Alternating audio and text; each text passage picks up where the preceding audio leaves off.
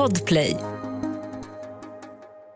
Idag är vi totalt osexiga. Både som personer och i vad vi pratar om. Vi pratar dels om politiska förändringar när det gäller sexualkunskapen. Amanda felar sönder sina fötter i sängen och Anna har trosorna fulla av vita flytningar.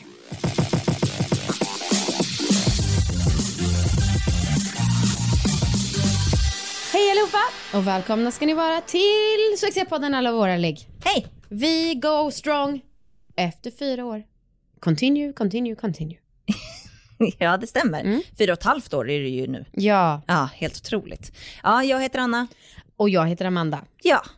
Vad hade du på eh, hjärtat? Jo, på mitt hjärta så tänkte jag fråga dig hur Viktor kan vara attraherad av mig fortfarande. Ja, tack för att du frågar. Nej, men jag har funderat. Det är ett mysterium. vad är det Eh, nu? Låt mig berätta om mig själv just nu. Eh, jag är ju gravid som ni vet och jag är inte så, så att det syns på mig men det är så att kläderna passar inte riktigt. Nej. Och det är inte så tjusigt. Alltså jag tycker välsittande kläder tycker jag är lite av en förutsättning för att man ska kunna känna sig snygg. Mm. Sen så är ju jag så pass blek så att jag hade skrivit till min lillebrorsa, han fyllde år häromveckan och skrev grattis, jag har till och med tagit brun utan sol för dig. Eller för din skull. Och sen på kvällen såg han mig han bara, du har inte tagit brun utan sol? Gud, vad, vad bra att han sa det, för du skrev samma sak till mig Ja, inför en arbetsdag. Jag har till och med tagit brun utan sol. Och så jag märkte skillnad. Nej. Precis. Ja, eh, så Du kanske får ta dubbla jag. lager. Precis. Och sen så, eh, Viktor och jag hela helgen hållit på att fixa eh, med lägenheten. Målar, vi har haft det jättemysigt. Mm. Och på lördagen så målade vi lite på förmiddagen, gick ut på en promenad, sen så badade vi tillsammans. Och det var jätte, jätte mysigt. badkar. Mm. Eh, men eftersom att jag har lockigt hår, när jag liksom, lite av håret blir blött, då blir det som en svamp. Så att här är det liksom, den här lilla sista strängen här, den är rak och sen resten är runt. Ganska fult och osexigt om du frågar mig. Varför doppar du inte bara hela huvudet då? Men jag vet inte, jo för att jag typ hade mascara och jag orkade liksom inte att det skulle bli helt svart Nej, okej. och, och så. Eh, och till råga på allt så har jag gjort en sån här fotmask för någon vecka sedan. När all hud ramlar av. Nej, men... Tycker du? Eh, alltså ni som inte har gjort det, det är alltså man sätter på sig typ en sorts strumpa i någon timme och sen en vecka senare så börjar huden ramla av. Alltså det är Det, Ja, det är så mycket död hud så att det är liksom, ja. Och det var okej när det var sommar för då går man ändå barfota och kan liksom gå i gräset och så. Nu är det så här, jag byter strumpor tre gånger om dagen. Jag skyndar mig att sätta på mig åh. strumpor efter duschen och så fort jag tar av mig strumporna så ramlar det ut död hud. Åh fy fan vad äckligt. Det är riktigt äckligt. Åh herregud vad Eh, äckligt. och då så eh, var vi i badet och då så märkte jag så här, hmm, det är liksom, här ligger jag och badar av mina döda hudceller. Var det så att det simmade runt Nej men då? nästan. Så Alltså, jag sa det till Victor men liksom, vi tog mycket skum så att det inte skulle synas. Ja, och sen så eh, när vi då skulle resa oss och gå upp, då så ville jag inte liksom låta alla här, för vi måste verkligen rensa bort avlopp också. Så jag ville inte förvärra avloppet med massa död hud. Så då tog jag istället upp dem och la dem på badkarskanten. Åh herregud. Och det är som Victor var, han höll på att torka sig så han var i badrummet samtidigt. Ja, och sen efter badet, då hade vi ju sex. Och grejen var att eftersom att det läcker såna här fotfjäll över hela lägenheten om jag inte har på mig strumpor, Ja. ja då smög jag på mig ett par strumpor. Och så var jag som en sån där man som har bara strumpor och är naken. Åh herregud. Och sen så la jag mig där under täcket och så hoppades jag, inte det han inte mer påtagligt då att det är liksom alltså strumpor fulla av fjäll? Eh, nej, för de är ju helt, de syns inte igenom på utsidan. Eh, nej nej men det blir så här, varför har du strumpor? Alltså, det Ja, nej, men mer Victor påtagligt. visste ju redan det. Ja, men sen så i alla fall så började vi hångla och sådär och sen så kollade han ner, han kollade nog inte på det, men då känner man liksom, du vet, tvångsmaniskt eh, tvungen att säga till honom Ja, jag tog på mig strumpor för jag vill inte att det ska vara Ja, och sen så sa han bara så här. ja, okej. Och sen fortsatte. Kunde inte bara haft täcke på? Eh, Så att du slapp se strumporna? Jo, jag försökte det, men det var liksom, Gud. ja, hur kan han, Han är för chill. Ja, och jag med uppenbarligen. För Ja. sen så hade vi bestämt att vi skulle sova lite middag ihop och det är mitt bästa, ha sex och sen somna ihop. Ja. Ja, nej men det var liksom, av alla de här grejerna som var så osexiga med mig, var han noll opåver- påverkad av. Helt otroligt. Mm. Du vet att du kan ju aldrig göra slut. Nej. Det kan jag ju inte. Nej. Men det, är det som också är så dumt är när han är så bekväm med det, då blir jag ännu mer bekväm. Ja. Så att gränserna pushas framåt på ett sätt som inte är önskvärt. Ah, fast det är väl också skönt att du är så bekväm? Ja, alltså hade det här påverkat vårt sexliv hade det ju inte varit så Nej. bra. Men uppenbarligen så kan vi ha sex ändå. Ja, det är toppen. Och det är det bästa av två världar. Mm. Ja. Um, Okej, okay, men får jag kop äh, koppla till en grej äh, gällande min inte lika bekväma mm. kille? ja. Um, för att jag sa ju, eh, när sa jag det, jag vet inte vilket avsnitt, eh, men om att Marcus har kommenterat mina trosor. Just. Eh, jag skulle säga, också på tal om graviditet, mm. att nu skulle han ha belägg för det. Mm. Märker inte du hur mycket, eller, hur mycket flytningar jag har? nej, jag tänkte... oh, nej, Anna, det märker jag inte. Nej, märker du något på dig själv? Ja, absolut. Alltså herregud vad mycket flytningar det är just nu. Nej men det, nu är det så mycket så att jag vet inte vad jag ska... du får ta trosskydd. Ja, nej men typ. Uh. Alltså och verkligen så att jag kan, usch, nej men alltså jag vill inte skrämma bort alla som lyssnar nu. Eh, för nu har du börjat med ditt superäckliga. ja, men för jag märker också att det liksom fastnar lite på liksom blygdläpparna. Ja, lite på könshåret typ. Ja, ja jag fattar. Nej men det är inte nice. Shit. Så att jag känner liksom att jag behöver tvätta av mig hela tiden. Oj, Mm. hjälp. Är det vita eller? Mm. Ja. Mm. Som blir sådär hårda i trosorna. Ja. ja. Nej men det är inte, det är inte guld och gröna skogar här borta. Men det där tycker jag liksom, ja, jag tycker inte att det är så äckligt. Alltså det är bara att det är så ovant att det kommer så mycket plötsligt. Ja, men jag, kan, jag tycker att det är äckligt liksom när det varit, alltså när man gått på toa flera gånger och man tar på sig de här trosorna igen. Mm. Jag kan tycka att det, ja, det känns lite som att ta på sig, ta av, ta av och ta på strumpor som man har haft flera gånger. Lite samma sak kan jag tycka. Ja, ja. Nu har vi börjat med det här otro, otroliga osexiga introt. Ja. Ja. tur att vi ska prata med någon som vet hur dag, framtidens ungdomar kommer att ha lärt sig om sex. Och kanske de har lärt sig hur man inte just ska det. bete sig. Jättebra. Okej, men först så vill jag bara säga en sak. Vi är sponsrade av Liggboxen. Varför låter du inte helt glad? Jo men det är jag. Eh, och nu när det här kommer ut då är det ju snart alla hjärtans dag. mm. Och eh, hur ska, du, ska du fira någonting Amanda? Alltså jag borde ju säga ja nu eftersom att vi vill pusha liggboxen inför alla hjärtans dag. Men Mm. vi har inget speciellt planerat. Nej. Och jag frågade ju på liggboxens Instagram om folk tycker att det är viktigt eller inte. Ja. En person hette Dalbäck Anna, hon svarade. Och hon skrev jag förväntar mig något romantiskt i alla fall. Ja, för att jag frågade Marcus om det här igår. Och då sa jag, du, du vet väl att det är alla hjärtans dag snart? Ja. Han bara, ja. Oj, så han sa. Ja, han sa så irriterat. Och då sa jag, ja, jag vill bara säga att jag förväntar mig saker. Mm. Han bara, jag vet, vi har varit ihop i åtta år. Ja, Nej men och jag, ja för att jag tycker att jag styr upp typ de flesta dejterna. just det. Ja, och jag, för att annars är jag inte så, så här traditionsbunden, liksom att jag tycker att killen ska fixa, Mm. det tycker jag inte alls. Men jag uppskattar ändå Marcus när han fixar saker Mm. som är romantiska. Så han går runt och funderar på hur han ska göra det. Jag hoppas. Eh, jag hoppas han känner sig jävligt stressad inför det. Mm. Mm. Men vi kanske kan ha härligt sex. Ja, det kan ni ju. Och om det är någon som är i Marcus sitt som inte råkar ha tillgång till en kvinna med en miljon sexleksaker och en av dem som grundat liggboxen, då är ju ett gott tips att prenumerera på liggboxen så får man hem den och så kan man hålla på med den tillsammans Ja, under alla hjärtans dag. exakt. Eh, för då får man ju den inför. Mm. Eh, så att man kan liksom öppna den tillsammans som par. Fy fan vad mysigt. Alltså det är ju en av de främsta feedbacksen vi Mm. får eh, angående liggboxen. Att det är en otrolig upplevelse att Mm. öppna den som par. Ja. Och jag kan verkligen tänka mig det. För även om vi tar hem sexleksaker, Mm. jag tycker ju att det känns väldigt spännande Mm. att testa en sexleksak Mm. med Marcus. Jag tycker att det är väldigt kul och känns intimt liksom. Och det här som vi brukar säga, men vi kan ju skylla på jobbet om vi vill testa något som är lite annorlunda. Ja. Och ni kan ju sky- skylla på liggboxen. Och på oss, Ja, verkligen. för det, istället för den här pinsamma, åh jag skulle vilja pröva bla bla bla. Som Mm. att ni måste säga det själva så kan ni bara, nu kom det här med, då måste vi nog testa det vi ändå betalat för. verkligen. Ehm, Ja, och just nu så har vi en kampanj där man kan få en produkt från ett märke som heter Shoshu Mm. eh, på köpet om man då eh, går med på den här kampanjen och värvar personer. yes. Eh, och då kan man också vinna en dejt värd 3000 kronor. All info om det här och hur man gör det hittar ni på liggboxen.se. Mm. Och sen så vill jag bara säga, eller jag snarare spela upp Shoshu. eh, för att det som är så speciellt med dem är ju de här lågfrekventa vibrationerna. Mm. Det berättade vi lite om för några veckor sedan, men nu ska ni få höra hur det låter. Shoshu betyder förresten I play, eller jag leker. Hör du? Det är svårt att veta. Ja, det är väldigt, väldigt tyst och väldigt ja. lågfrekvent. Ja. Jag hoppas inte att det hördes i micken. Mm -hmm. För att man vill gärna att en vibrator ska vara tyst. Jag tycker mm. att den är väldigt, väldigt tyst. Ja. Ja. ja. ja.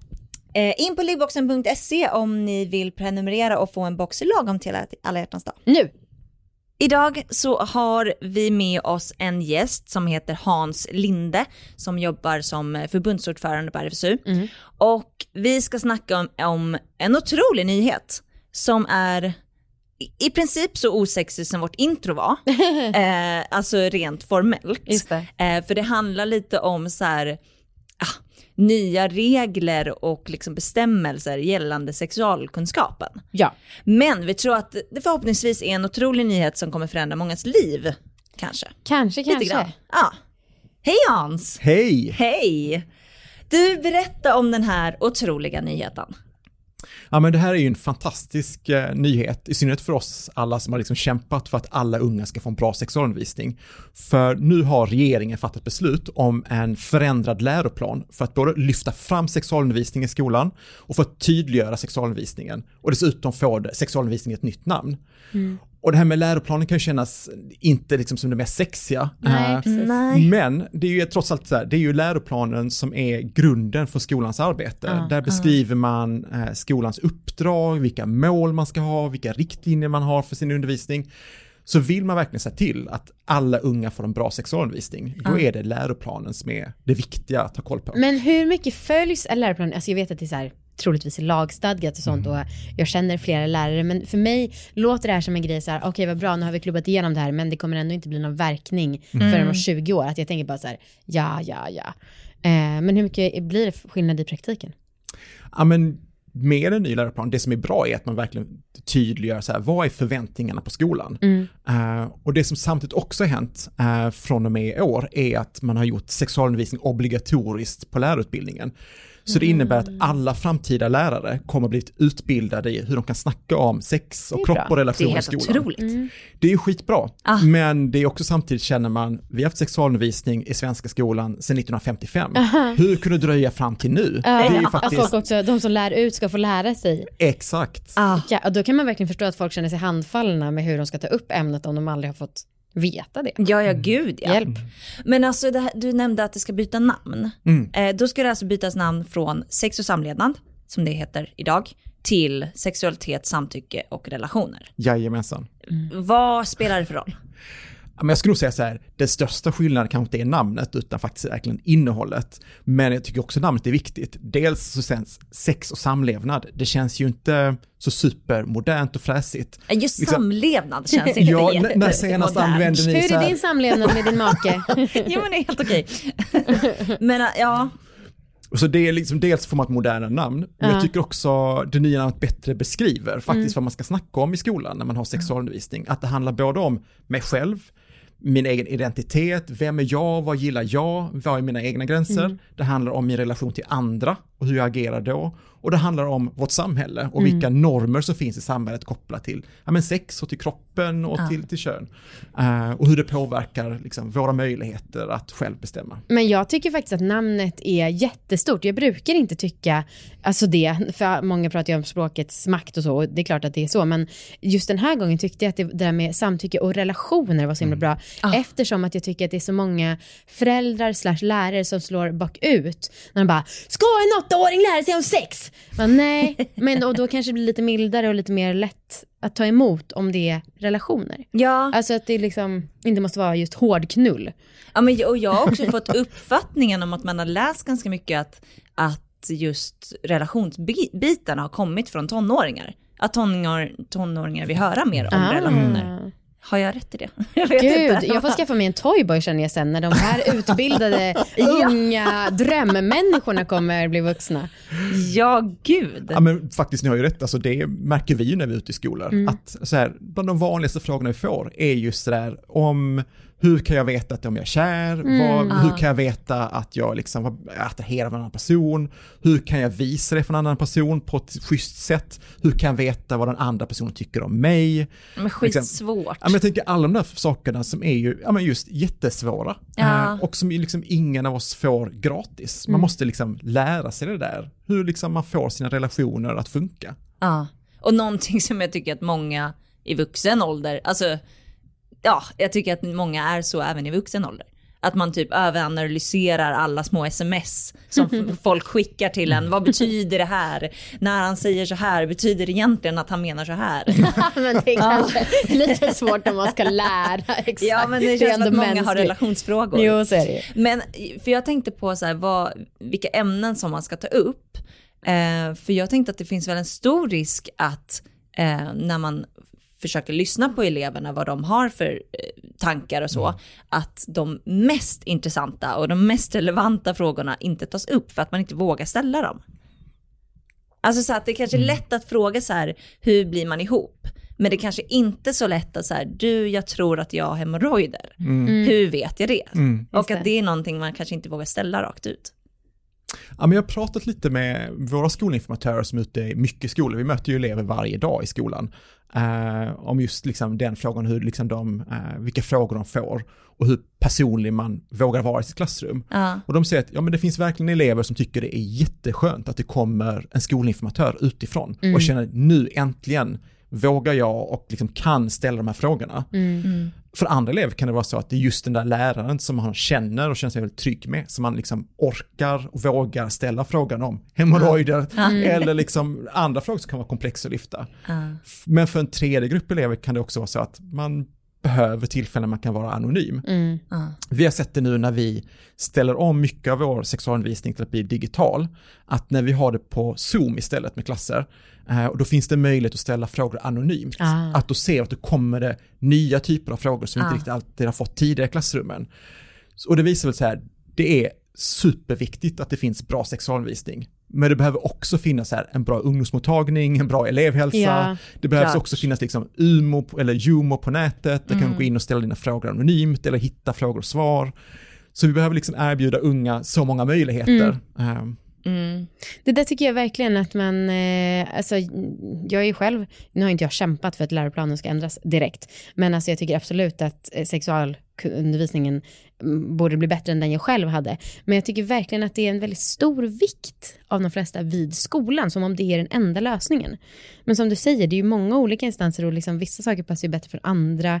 Så att, ehm, ja, själv har, alltså när vi skrev vår bok, inte för att det är mm en klassiker som alla känner till. Men... Kom du heter den, köp gärna den, finns på allahörlig.se. men då så, mm, eh, så det, eh, funderar vi lite över det, fan det kanske inte ens är i skolan det ska ske, det kanske är liksom en extern part som RFSU, som egentligen ska ha hand om allt. Jag vet inte ens om, alla säger det är jätteviktigt att det är med i skolplanen. Ja. Är det det? Jag vet inte. Ja, för jag, tänker på, jag tänker på min egna sexualundervisning när jag gick, att det kändes, nu var den väldigt, väldigt ja det var ju typ en gång kanske. Eh, och att det var av en lärare som var liksom matte och NO-lärare. Och det var liksom så otroligt obekvämt. Mm. För att det, det var så långt ifrån hans ämne. Eh, så att han var ju jätte, jätte obekväm. Mm. Och jag tänker att sånt, då är ju, ja, nu fanns inte RFSU där jag bodde. Eh, men eh, där tänker jag att RFSU är mycket bättre, mer lämpad. Liksom. Vad skulle din dröm, dröm, dröm om alla barn och unga skulle få lära sig om sex på ett bra sätt? Hur skulle det se ut? Alltså egentligen, jag tycker ju såklart att RFSU gör ett väldigt bra jobb. Jag mm. vet att det vi gör är väldigt extremt uppskattat av eleverna. Mm. Men någonstans känner jag att det här borde vara en självklarhet i skolan, i, skolan. i alla klassrum, liksom, mm. att det här skulle vara en del i alla lärares uppdrag att snacka om de här sakerna. Och att också alla lärare skulle känna sig, ja men egentligen lika bekväma mm. att prata om liksom mens och klittan som de är att prata om franska verb eller mm. liksom Hallands åar. Att det här är en lika viktig del av skolans uppdrag mm. uh, och kanske till och med ibland en viktigare uh, än mm. Hallands åar. Uh, Ja, åarna känns ju inte som att man kanske har tagit med sig så mycket från skolan. eh, men det resterande känns ändå så, ganska så mycket mer i ens liv. Så ska jag vara helt ärlig, vår, vår vision för RFSU är ju att vi inte skulle behövas i skolan. Mm, mm. Uh, men tyvärr kan man nog säga att det är, en, mm. det är en bit dit. Någonstans också det viktiga i skolan för att är att liksom, det är en plats där det både finns en möjlighet att förmedla kunskap uh, och liksom hålla samtal. Men jag tror också att skolan skulle kunna göra på ett mycket mer avdramatiserat sätt. Uh, att verkligen se till att sexualundervisningen blir integrerad i alla ämnen. Mm. Ja, det för, det, för det var en eh, reflektion jag hade, det var att jag tycker mig uppleva att fler och fler har börjat ha så här temadagar. Mm. Så tema sex och kärlek och sånt. Mm. Eh, och det är ju svinbra, men samtidigt var inte tanken, eh, som det snackades om för några år sedan, att det skulle integreras mm. mer, att det skulle snackas i alla mm. ämnen. Mm. Vad, hände? Vad hände? Ja. Alltså också här, det är ju inte ett fel att ha ibland en temadag. Uh, det kan ju också vara bra, men det kan liksom inte ersätta att det här ska finnas med i skolan. Mm. Och det säger ju också eleverna själva, när vi har gjort liksom våra egna undersökningar, uh, att eleverna säger att de vill ha, de vill ha mer sexualundervisning och de vill ha det oftare och att det ska återkomma. Och samtidigt finns liksom grymma exempel. Eh, vi har en Facebookgrupp för eh, vuxna i skolan, där de liksom delar med sig av sina tips med varandra. Och då kom så här, jag, när jag skulle räkna med procent när vi skulle på matten, då räknade vi på klamydiaspridning som, ah. som ett exempel för att få in det där. Geni. Svinbra ju. Eh, eller när man skulle liksom lära barnen att, att virka på slöjden, ja, men de har suttit och virkat liksom snipper istället. Uh, och liksom hitta de sätten att få in det. Och då tänker jag också att du lyckas liksom avdramatiserade, mm. då blir det inte en så stor grej att snacka om Nej, sex och relationer om du har fått in det på det sättet mm. i undervisningen. Gud vilken kul utmaning, det är som så här, äh, övergången på nyheterna. Och vidare till dig Martin, vi ska prata om alltså att man lyckades göra sådana roliga mm. övergångar i varje ämne, det skulle jag tycka var en kul mm. utmaning. Alla är sådana programledare. Ja, ja. exakt. Snart startar vår stora färgfest med fantastiska erbjudanden för dig som ska måla om. Kom in så förverkligar vi ditt projekt på Nordsjö Idé och Design.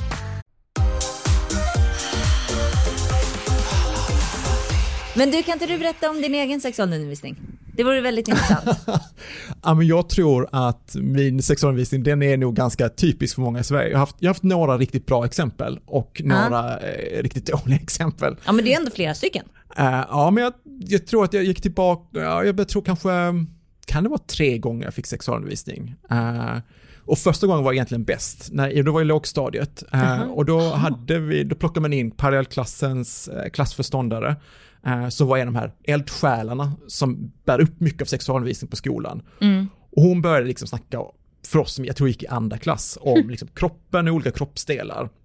Uh. Och då blev det såklart, så fort hon nämnde könen, så började eleverna fnissa. Mm. Men där hon mötte oss på ett väldigt så här icke-dömande sätt, det var lite respektfullt mm. och vi fick till ett jättefint samtal i klassrummet. Varför varför fnissar alla när man säger snopp, mm, men ah. inte när man pratar om knäna? Ah. Vad är det som gör att vissa saker är så minerat och mm. känsligt och varför andra saker är helt naturligt? Mm. Men gud, det skulle jag vilja höra i det här samtalet. Och det var, men jag gud, kände mig också själv att jag, jag minns så väl att jag gick därifrån liksom, kände mig så här stärkt och kände så här, men det här kan man ju snacka om. Min snopp liksom. är inget att skratta åt. ja, men lite så faktiskt. Ja, fint. Om man ska ta liksom bottennappet ändå, för då hade vi så här, man skickade tjejerna till skolsköterskan för att prata om mens, mm, för mm. det tyckte man uppenbarligen att vi som var killar inte behövde ha kunskap om mens av någon obegriplig anledning. Mm. Uh, och vi som var kvar i klassrummet, vi skulle prata om onani. Uh, ja. För det behövde de som pratar om mens, de behövde uppenbarligen inte. Nej, är det ju. Man är helt uh, asexuell om man har mens, ja. Och då vi också hade en, en lärare som det tror jag kan berätta nu, det, det kanske är preskriberat. Ja, det är det. Han var också uh, vår baskettränare uh, mm. på sin fritid, så många av oss hade honom som sin, vår coach. När han körde liksom snacket, nu vet ni grabbar, ni kan, oh, det är okej okay att runka en gång per dag, men inte fler gånger, för då kan ni bli beroende och uh, runka inte innan en match. Åh oh, herregud. Där liksom också alla bara så här, satt och tänkte så här, det här är så konstigt. Hur gamla var ni då? Ja men gick vi i fem, fjärde eller femte klass tror jag. Uh. Vad är man då? 10-11 mm, uh. och bara så här, till och med vi fattar så här, ja ah, men det här stämmer ju inte. Nej. Det är ju bara knäppt och konstigt. och bara, vad är det han snackar om? Uh. Uh, och det var ett sånt effektivt sätt att också bara döda samtalet i klassrummet. efter att han hade inlett så var det ju ingen som ville prata om liksom onani. Eh, för att, ja. Ja. Och så funkar det ju. Har man liksom vuxna som skuld och skambelägger, då tystar man verkligen samtalet. Mm. Så jag känner också så här att man liksom blev väldigt lämnad med sina, man hade såklart jättemycket frågor och funderingar, men som man blev helt ensam med när det inte fångades upp i skolan. Ja. Eh, Och då fanns ju inte internet. Eller jag antar det. Att du är, lika gammal som oss eller äldre. Precis. Eller. Ja. Men Hur var det för er? Alltså jag har sånt himla icke-minne av det här och jag har inte heller något så här minne av att jag hade en massa frågor som jag inte fick svar på. Men jag har sagt det några gånger, men jag läste rätt mycket tjejtidningar. Så att jag verkligen liksom lusläste de här spalterna. Och det har väl påverkat mig ganska mycket. Mm. Eh, och framförallt typ det här att vara en cool och skön tjej. Och, Mm. Ja. Mm, mm. Men någon gång minns jag att vi var på ungdomsmottagning och jag tror också att vi gjorde en så här rulla på kondom på gurka Mm. grej. Ja. Någon kaxig kille som tog asmånga kondomer såklart som 11-åring. Alltså, Mm. det klassiska. Ja, och jag, hade, jag minns att jag hade två lektioner i högstadiet och båda handlade om könssjukdomar. Eh, och ingenting annat. Och det var ju, jag kommer från en by, det fanns ingen ungdomsmottagning liksom, Mm. i närheten. Ehm, så att jag, ja, då är det här har jag berättat i podden massor. Så jag började kolla ganska mycket på porr för att lära mig. Ja. Ehm, och lärde mig mig på det sättet. Mm.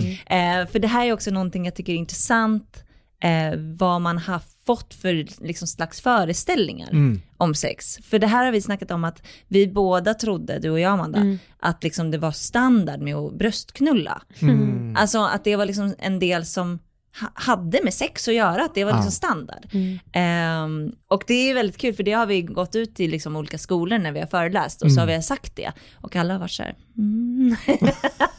och jag undrar, har du haft några konstiga föreställningar om sex som du har fått liksom på ett skevt sätt? Kanske att man bara får runka en gång i veckan då? En gång per dag var det En gång per dag. För jag tyckte ändå han hade lite så här lagom med bäst take på det Ja. hela. Alltså jag skulle nog säga att de flesta, jag tror att jag gick därifrån och tänkte så här, bara, nej, men det här stämmer ju inte. Nej. Alltså till och med liksom den källkritiska 11-åringen på den skånska landsbygden fattade så här, "Ja, men det här stämmer ju inte. Nej. Um, Hur kunde du veta det? ja men för, för att man fattar väl själv så här, bara, nej men det, det här är, Vad kan inte, gå fel? Vad kan gå fel och Ja. liksom, hur kan det här, skulle det här kunna vara beroendeframkallande? Ja, okej. mm. Eh, och hur farligt kan det vara liksom? Ehm, men sen tror jag också att en annan så här grej som jag vet att jag verkligen gick och funderade på var ju, ja men, så här standarden i kamratposten i alla frågor som rörde homosexualitet, när alltid svaret var, det kan vara en fas. Det går över för många. Var det det i KP? Jajamensan. Jaha. Det var liksom standardsvaret. Och I alla fall när jag växte upp. Och för mig var det verkligen så här bara, man gick och tänkte så här bara, mm, men det där kanske jag känner nu, Ja. det där, det kommer gå över. Uh, Kul som bög att få läsa det. ja men Det där kommer gå över. Eh, men det var liksom hela tiden, ja, Ja. nej men det blev, uh, jag tror kanske det snarare liksom sådde tvivel och skapade fler frågor om sin sexualitet. Mm. eh, än att man kände sig stärkt av ett sånt svar. Vad tycker du, nu kanske inte du är ute liksom hos skolungdomar och snackar jättemycket, men, men eh, om du kan tala för RFSUs räkning, eh, vilken liksom kunskapsbrist är det som eleverna har idag som, de känner, som ni märker så här, fan det här är inte bra att alla tänker så här. Just det. Ja men, om jag ska säga så här, eh, att Jag tänker spontant på strypsex. Eh, för det har vi snackat lite grann om Ja. och att det känns som att eh, det ligger en förväntan hos alla att det ska man ha nu. Att det är en sån supertrend just nu och att alla förutsätter att man ska ha det. Alltså vår erfarenhet är nog kanske snarare att alltså många unga har ganska mycket kunskap, har liksom reflekterar och reflekterar ganska kritiskt liksom till eh, hur man förmedlar sex i typ till exempel media eller porr. Eh, men det som man som ung kanske efterfrågar är en vuxenvärld som man kan liksom vända sig till med sina frågor, att få bolla med. Um, vår tydliga erfarenhet av att liksom möta unga är ju inte att, att unga liksom konsumerar porr eller liksom annan liksom media där man förmedlar bilder och normer om sex eller relationer på ett okritiskt sätt. Uh, Okej. Men däremot att man verkligen här efterfrågar en vuxenvärld som, som backar upp och stöttar och som man kan prata med sina, liksom, om sina tankar och funderingar. Ja. Vad ty- hur tycker du att föräldrar ska prata med sina barn? Och har du barn? Jag har ingen barn. Och är när börjar man? Så många frågor. Nej men om vi, alltså jag tror att i grunden att det är bra att egentligen börja så tidigt som möjligt. Mm. Det säger liksom unga själva att de vill gärna att man börjar, där vi frågar unga, när tycker ni att man borde börja, börja samtalen? Så säger nästan alla att vi borde börja tidigare och snacka mm. om de här frågorna. Och jag tror också att alltså, tipset till föräldrar är väl också att att försöka avdramatisera, få med det i vardagen. Att inte göra så här, nu väntar jag till att vi ska sätta oss och ta det stora sexsnacket. Oh, Gud, Utan verkligen fundera på hur kan man få in det här i sin, sin vardag. Mm. Uh, alltså jag tänker, jag har sett det själv i liksom relation till mina, jag har ett, ett gäng syskonbarn. Uh, och eh, som RFSU-ordförande har man ju både liksom små 3D-printade klitter hemma, mm, mm, det, fin det. det, finns kondomer som ligger på, det tar ju alltid en nanosekund när de är hemma, så kommer någon springa och säger vad är det här? Mm. Och så får man liksom ta snacket liksom. Mm. Uh, men bara så här, möta unga där de befinner sig, Uh, svara upp på deras nyfikenhet, det som de tycker är spännande, det de frågar, det de funderar över. Mm. Jag tänker nu på, vi har ju så sjukt mycket sexleksaker mm. och det är verkligen en sån grej som alla bara, ah, hur ska ni göra när ni får barn och liksom, borde gömma bla bla. Kanske bara någonting man ska låta dem leka med. Från födseln. Från sen, ärligt talat. Det är jättenaturligt. Jag tänker, ibland när jag tänker på vårt jobb så tänker jag på, har ni sett Sex Education? No. Ja. Ja, jag tänker på, ja, Amanda, ja. Eh, jag tänker på mamman där som är då sexolog. Just det, det har jag fattat. Eh, och jag tänker att, är det där min framtid? Samtidigt så är hon så jävla cool. Eh, så tänker jag, men det, fan det går ju. Mm. För att vi får jättemycket frågor, hur ska ni göra? Tänk om era barn liksom hittar podden och så. så bara, det kanske inte gör asmycket. Det kanske är lugnt, det kanske inte blir något fucked up barn bara för att man själv har pratat om sex väldigt mycket. Nej. Gud, jag tycker mm. alla gör det till en sån himla stor grej. Mm. Jag har aldrig varit bekymrad vad mina barn ska tänka om det. Nej. Det är bara alla andra som är bekymrade. alltså jag tänker att de, eh, de barnen kommer tycka att det bara är coolt med er podd. Uh, mm. Mm. Jag tror att det kan bli blandade känslor. um, men du, det här lite till liksom, ja, lite mer politik idag. Vad, vad gör det för skillnad att rektorn numera får liksom, att den ska ansvara för att liksom, eleverna får kunskap. Mm. Alltså vad, är det för, vad gör det för skillnad? För tidigare har det legat på lärarna, eller hur? Ja, men nu förtydligar man liksom rektors ansvar. Det mm. är, och vi tycker det är väldigt bra från RFSU. Uh, eh, för att alltså, Problemet idag är att på alldeles för många skolor så bygger sexualundervisningen på att det finns en enskild eldsjäl på skolan. Det finns mm. den där mhm. läraren som brinner för sexualundervisningen. Mm. Mm. Som säkert blir lite mobbad i fikarummet också. och så blir det liksom hens ansvar att vara den som, som, som håller uppe sexualundervisningen. Och vi vet att väldigt många lärare vill ha sexualundervisning, men känner sig lite osäkra. Hur ska jag göra det här? Man kanske behöver mer kunskap, man skulle behöva fortbilda sig och verkligen man tydliggör att det här är rektorns ansvar att säkerställa att den där eldsjälen får uppbackning och stöttning, mm, mm. att den där som känner sig, läraren som känner sig osäker får gå liksom en kurs eller kan få stödmaterial. Så att man verkligen säkerställer att, äh, att i varje klassrum så snackar man om de här sakerna. Mm, äh, att det inte blir så, som vi vet tyvärr att det är idag, att vi har liksom lite för mycket elever som lämnar skolan utan att kunna få prata de här viktiga frågorna utifrån sina egna frågor och utifrån sina egna behov. Mm. Men, och det här kanske är en jättedum fråga, men vem är det som håller koll på de här rektorerna så att de gör sitt jobb? För att jag menar, om allt mm, ansvar mm. läggs på en person, mm. är den personen dum i huvudet? Alltså, vem är det som ansvarar över den personen då? Och då blir det liksom, det tråkiga svaret är ju skolans huvudman, men det är ju liksom om det är till exempel, eftersom en kommunaliserad skola, då kan det mm. vara kommunen om det är en kommunal ja. skola, eller om det är en fristående skola, att det är liksom den, det, det företaget eller den, den organisationen som driver skolan. Ja. Ja, okay. uh, ehm, och det är ju där vi försöker liksom pusha lokalpolitikerna fatta så här, ni är ansvariga för att det finns bra sexualundervisning i era skolor. Mm. Uh, så liksom att politikerna också behöver mm. steppa upp uh, mm. lokalt och se till att skolan får stöd och resurser att ha bra sexualundervisning. Mm. Det låter smart. Och när börjar, och, och till det jag sa i början, att mm. det känns som att det kommer ta 20 år. När börjar det här faktiskt gälla? När kan man se effekt? Alltså det är de här nya bestämmelserna. Precis, det, den nya läroplanen den träder i kraft nästa höst. Nästa Ah, som ah, ett år. Eller, ah, eller vadå? Hösten, 2000 20, hösten 2022. Bara, vet du, bara det känns som liksom ett liv framför för mig. jag tycker det känns så långt borta. Ja, fast jag tänker samtidigt att då, då ger man skolan en tid Ja, att det är klart du måste ha förbereda tid. sig. Ja, jag och- fattar det, men jag är väldigt mycket så som person att jag, aha, vadå är det inte nästa vecka? eh, men jag förstår det logiska bakom. Ja. Finns, det- finns det något land man kan ha som förebild? Vet du det? Hur det ser ut liksom i övriga världen gällande sexualkunskap? Ja, men så här, det ser ganska olika ut. Ja. Eh, några, jag tycker så här, det finns länder som är duktiga på liksom saker som vi kan liksom lära av. Eh, vi tittar till exempel ganska mycket på hur man gör både i Danmark och Norge med att få in sexualundervisningen tidigt.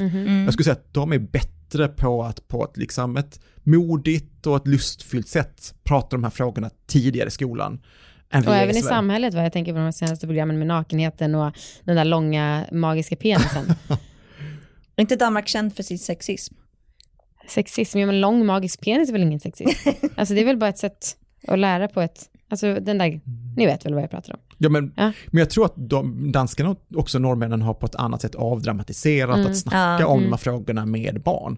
Medan vi nu upplever att kanske i Sverige snarare går det lite bakåt. Att det här blir liksom snarare mer och mer känsligt dominerat.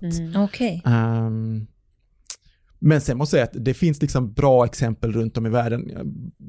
Jag, var för något år sedan i, i Kambodja eh, och träffade vår systerorganisation där och fick vara med när de var ute på en skola på landsbygden och hade sexualundervisning och kom in i ett klassrum där det satt massa kambodjanska elever och skulle rita hur, eh, hur eh, slidkransen såg ut på stora blädderblock med Oh, färgkritor. wow. Och, och liksom, samtidigt som de pratar om så här normer och myter och mödomshinnan. Och jag bara kände, shit, det här hade jag velat ha i min skola i Skåne. Verkligen. Gud vad häftigt. Och vilken ålder var de här eleverna? Gud, de måste gått typ mellanstadiet. Shit vad häftigt. Mm. Är USA skräckexemplet eller? Det finns nog många skräckexempel. Ja, men alltså ska jag vara ärlig, tyvärr så är ju sexualundervisningen väldigt begränsad i USA. Det finns mycket regler om vad man inte får prata om i skolan. Eh, Att man inte får prata om preventivmedel eller att man inte får prata om det ena eller det andra. Eh, Samtidigt i USA finns det ju en massa spännande forskning om sexualundervisning och det finns en massa initiativ och de liksom, så det händer ju massa saker som är spännande i USA. Eh, Men tyvärr, alltså ute i de amerikanska skolorna, det är alldeles för många skolor där kanske inte har någon sexualundervisning alls. Nej. Och Eller det- den är väldigt moraliserande eller väldigt begränsad. Ja. Amanda, du som har gått i skola i USA. ja. Det, Eh, det har vi aldrig snackat om, om du hade någon sexualkunskap Nej, där. för det var, man hade mm, vissa ämnen. Alltså jag hade bestämda ämnen eh, på en termin och jag gick ju liksom, jag gick ju Montessori gymnasium. Mm, Så att det var, nej, inget sånt. inget sånt. Nada. Trist. Mm. Ehm, Ja, det var väl det. Inget snack alls alltså. inte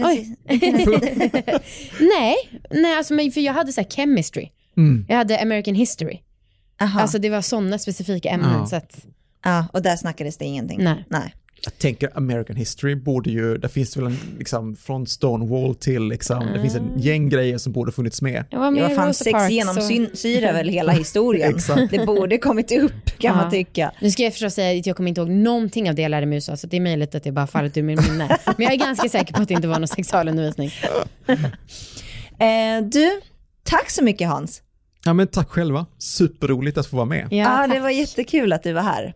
Eh, då hoppas vi att eh, 2022, då, pang bom, så kommer alla bli smartare. Första september prick, då händer det. Ja. Bra. Nu är den stora färgfesten i full gång hos Nordsjö Idé och Design. Du får 30 rabatt på all färg och olja från Nordsjö. Vad du än har på gång där hemma så hjälper vi dig att förverkliga ditt projekt. Välkommen in till din lokala butik. Nordsjö idé och design. Anna, du har skvallrat om veckans span till mig. Ja.